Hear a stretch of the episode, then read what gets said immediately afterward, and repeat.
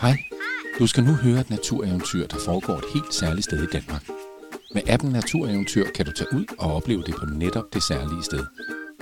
Lige nu skal du dog bare læne dig tilbage og bruge din fantasi til at forestille dig, at du selv er lige der, hvor eventyret foregår. Er du klar? Har du tændt for fantasien? Så går vi i gang.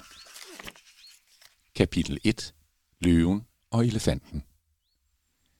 Velkommen til Hesselbæk Gård Havecenter. Du kan måske ikke lige se det, men inde bag de gule mure gemmer der sig en magisk have med træer, buske og blomster fra hele verden. Det var her pigen Liva en dag kom på lidt af et eventyr. Det hele startede lige her, ved den lille stenbænk. Her på bænken sad Liva og ventede på sin mor og far. De skulle købe planter til haven, og det kunne de bruge meget lang tid på. Liva kedede sig helt utrolig meget. Hey du der, skal du ind i haven? Viskede en dyb stemme. Liva gjorde et hop på bænken af bar forskrækkelse og kiggede rundt. Hun var jo helt alene. Så fik hun øje på løven, der nu havde drejet hovedet og kigget lige på hende. Liva gned sine øjne. Hvis du skal ind i haven, kan du måske hjælpe os med at finde skildpadden, sagde en anden stemme. Nu var det elefanten, der talte. Den løftede sin snabel og sagde en sjov, truttende lyd. Kan du også prøve at trutte ligesom en elefant? Du kan måske også lave en snabel med den ene arm. Hvad er det for en skildpadde?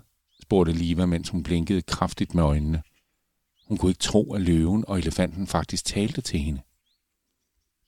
Så fortalte løven og elefanten, at havens gamle skildpadde havde inviteret til sin 100-års fødselsdag. På grund af sin høje alder var han glemsom, så han havde glemt at skrive, hvor festen skulle holdes. Og nu var han forsvundet. Vil du gå med ind i den magiske have og se, om du kan finde skildpadden? Spurgte elefanten, og Liva nikkede ivrigt. Hun elskede både skildpadder og fester. Kapitel 2. Det store teselskab. Nu er du kommet ind i den magiske have. Kan du få øje på dammen? Det var her Liva støtte på en masse dyr, der holdt teselskab og diskuterede, hvor skildpadden var blevet af. Midt i det store teselskab sad en lille bitte fyr med nogle store, smukke vinger. Han havde et forstørrelsesglas i hånden og en bog på hovedet som hat. Han lignede en fe. Liva havde aldrig set en fe før.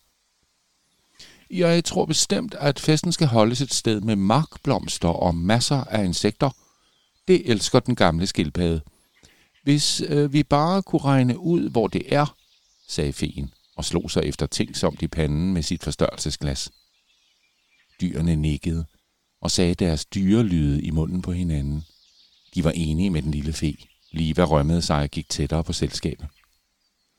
Jeg hedder Liva, og jeg leder faktisk efter skildpadden. Måske kan I hjælpe mig? Den lille fe sprang straks på benene. Øh, jeg kan hjælpe. Jeg er Falk Fjord, sagde feen og lettede på sin lille hat. Øh, lad os starte med at gå hen til den store vandgræn. Den er så høj, at man kan skue ud over hele haven fra toppen, sagde Falk Fjord. Og så løb han afsted med Liva lige i hælene. Kapitel 3. Den store vandgræn. Og se lige denne skønne vandgræn. Sådan et træ kommer oprindeligt fra Kina og har været her på jorden lige siden der gik dinosaurer omkring. Er det ikke vildt? udbrød Falkfjord begejstret og lavede en pirouette i luften.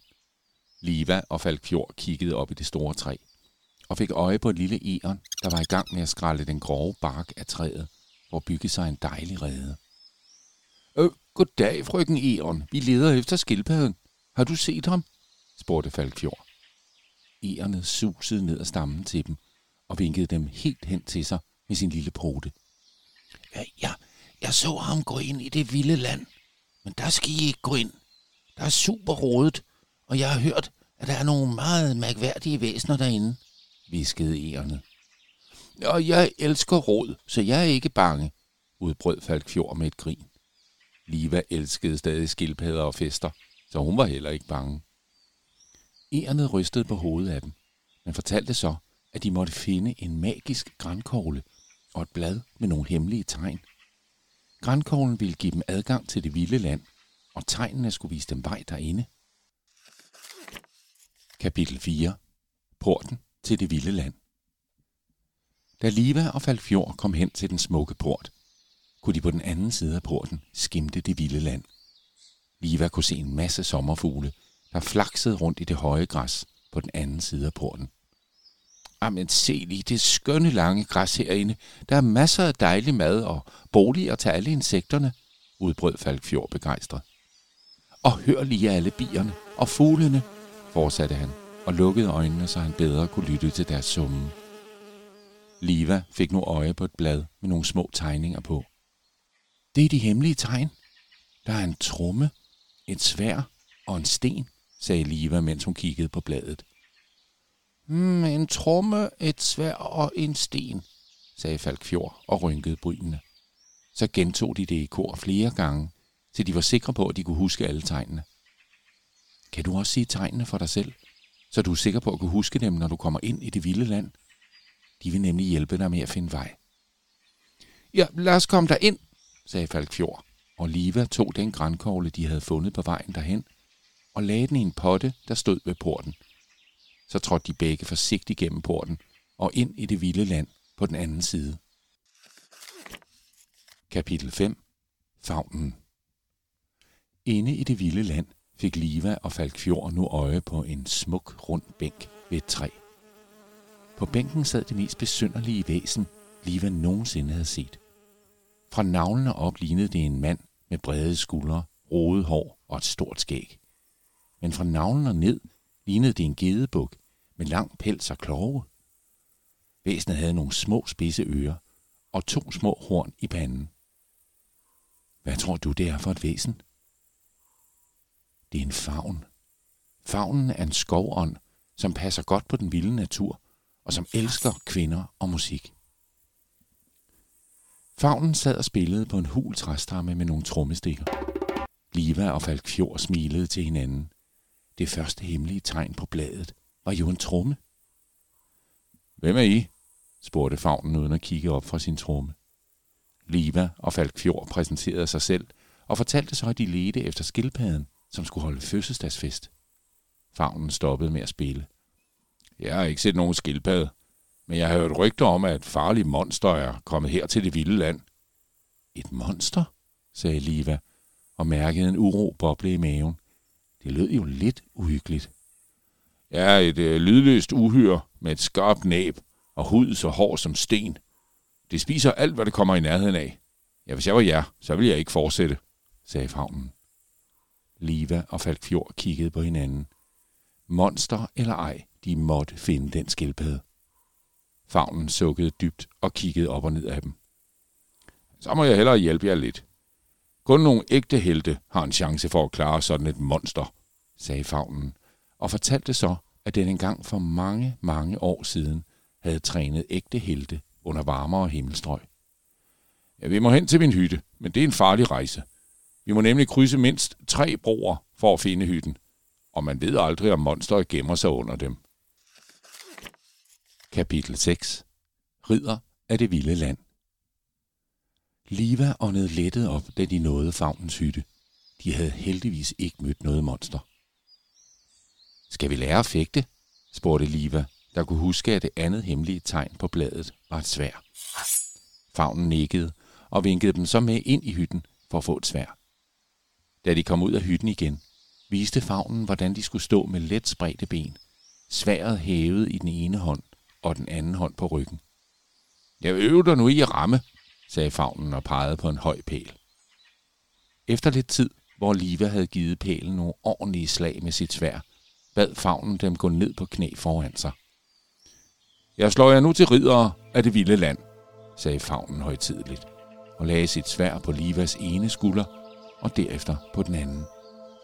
Så gentog han det på Falkfjord, der nærmest forsvandt bag fagnens store svær. Vi må hen til æderkoppernes huletræ. Måske ved de noget om monster eller den der skildpadde, I leder efter, sagde fagnen, og så løb de afsted.